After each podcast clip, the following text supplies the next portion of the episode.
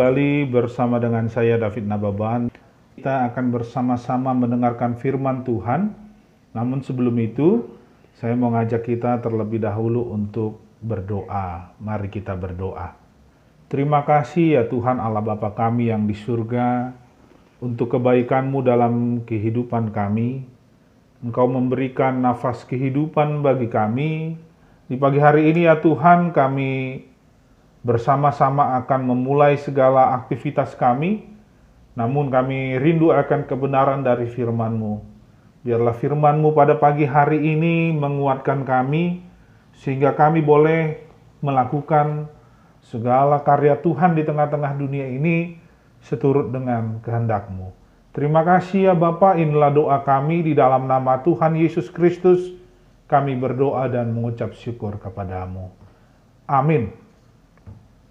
Saudara-saudari yang dikasih oleh Tuhan Yesus Kristus, firman Tuhan yang menjadi renungan bagi kita pada pagi hari ini tertulis di dalam surat Rasul Paulus kepada jemaat yang ada di Korintus, bagian yang kedua, atau 2 Korintus pasalnya yang ketiga, ayatnya yang ke-17.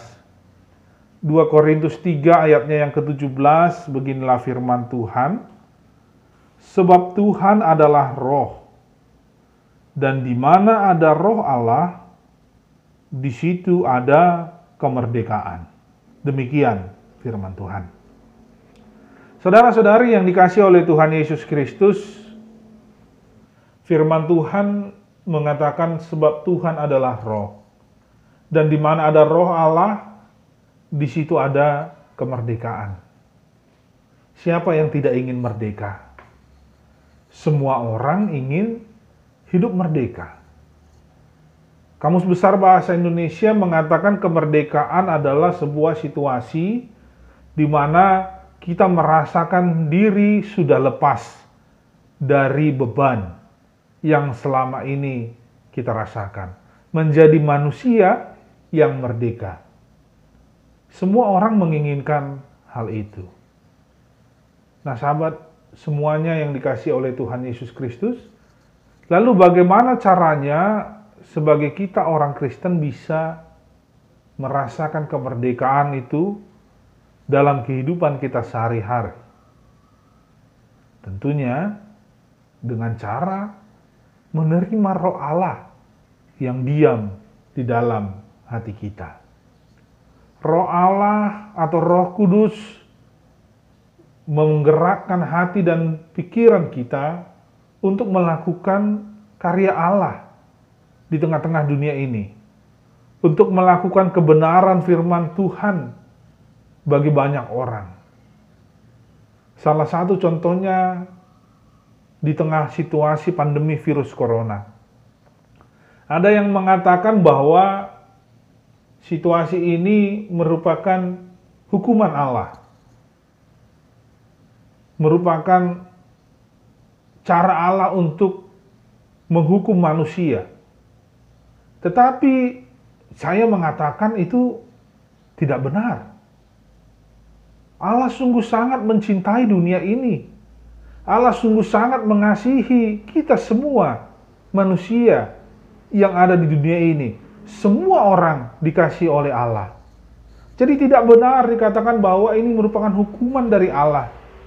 Lalu mengapa ada virus corona di tengah-tengah dunia ini? Jawabannya adalah memang dunia sedang berevolusi. Dunia, bumi ini sedang memperbaharui dirinya sendiri. Dan itu semua berada di dalam kuasa Tuhan. Itu semua berada di dalam kekuasaan daripada Allah itu sendiri. Nah, lalu bagaimana caranya kita bisa merdeka di tengah pandemi ini, sahabat semuanya? Jawabannya adalah ketika kita semua boleh merasakan ada roh Allah di dalam hati kita masing-masing. Ada kuasa Tuhan yang bekerja di dalam kehidupan kita masing-masing. Itulah cara kita bisa merdeka. kita kita ketika kita sadar bahwa Tuhan yang menguasai hidupku, Tuhan yang memimpin semua rencana-rencana hidupku, Roh Kudus yang menggerakkan aku untuk melakukan kebenaran firman Tuhan, maka di situlah kita menjadi manusia yang merdeka di dalam Kristus. Tentunya itu harus kita rasakan dalam kehidupan kita. Karya Roh Kudus di hari Pentakosta menyatukan semua bahasa di dunia ini. Itu yang dikatakan oleh kisah para rasul. Semua menjadi satu bahasa. Semua saling mengerti bahasa masing-masing yang berbeda satu dengan yang lainnya. Dengan kata lain adalah kita sudah menjadi manusia yang merdeka. Nah selanjutnya apa tugas kita sebagai orang-orang Kristen, orang-orang yang percaya kepada Tuhan Yesus Kristus? Tugas kita selanjutnya adalah bagaimana kita juga bisa memerdekakan orang lain yang belum merasakan diri mereka sebagai manusia yang merdeka. Memerdekakan orang lain yang merasa dirinya belum merdeka. Ada banyak contoh yang bisa kita lihat di tengah kehidupan kita sehari-hari. Ada banyak orang-orang yang lapar. Ada banyak orang-orang yang haus. Ada banyak orang-orang yang tidak bisa memiliki tempat tinggal.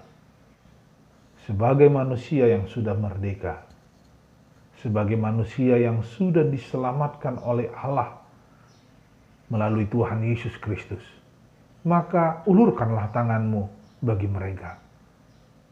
Maka saling tolong menolonglah kita di dalam kasih Tuhan itu. Sehingga semua manusia, semua orang bisa merasakan kemerdekaannya masing-masing. Semua manusia, semua orang bisa merasakan bahwa Allah sudah memerdekakan kita. Dan inilah yang akan menjadi PR kita secara terus-menerus. Tugas besar kita secara terus-menerus, setiap hari, setiap saat. Bagaimana firman Tuhan itu bisa dirasakan secara nyata bagi kita semua. Saya sangat tertarik melihat masih banyak orang Kristen yang peduli kepada sesamanya di tengah-tengah wabah virus corona ini. Di berbagai macam daerah telah dilakukan banyak pelayanan diakonia yang dilakukan oleh institusi gereja, LSM, bahkan pribadi melepas pribadi. Semua tergerak oleh karena kasih Tuhan. Ada yang memberikan bahan sembako yang ditaruh di atas pagar rumahnya, dan ketika ada orang yang memerlukan makanan atau bahan makanan, dia tinggal ambil. Dan memang orang yang menyiapkan itu sudah mempersiapkan dirinya, sudah berkomitmen untuk memberikan bantuan itu kepada banyak orang. Nah, itu menjadi sebuah contoh bagaimana di antara kita bisa saling memerdekakan memerdekakan. Karena apa? Karena roh Allah sudah ada dalam kehidupan kita. Karena roh kudus bekerja dalam kehidupan kita. Maka sekali lagi saya akan bacakan bagi kita semua 2 Korintus 3 ayat 17. Sebab Tuhan adalah roh. Dan di mana ada roh Allah, di situ ada kemerdekaan. Di mana ada roh Allah, maka di situ akan ada kemerdekaan. Oleh karena itu, marilah kita bersama-sama menghidupi karya Roh Kudus di dalam kehidupan kita. Karya Roh Allah ini bagi kita masing-masing, sehingga kita bisa menjadi manusia yang merdeka dan kita bisa memerdekakan orang lain di tengah-tengah kehidupan kita masing-masing. Tuhan memberkati kita. Amin. Mari kita berdoa. Terima kasih ya Bapa di surga untuk firman Tuhan di pagi hari ini. Engkau telah mengajarkan kami dan mengingatkan kami akan kebenaran firman-Mu yang mengingatkan kami semua bahwa roh Allah selalu ada dalam kehidupan kami dan selalu memerdekakan kami. Kami berdoa ya Tuhan, biarlah Engkau yang selalu menguatkan kami, Mampukan kami menghadapi segala masalah-masalah dalam kehidupan kami setiap harinya. Sehingga kami boleh mendapatkan tuntunan dari kasih Tuhan dan kami boleh merasakan akan kebenaran daripada firman-Mu. Berkatilah kami dalam melakukan aktivitas kami dalam satu hari ini. Kami serahkan seluruh hidup kami dalam tangan pengasihan-Mu. Di dalam nama Tuhan Yesus Kristus, kami berdoa dan mengucap syukur kepadamu. Amin.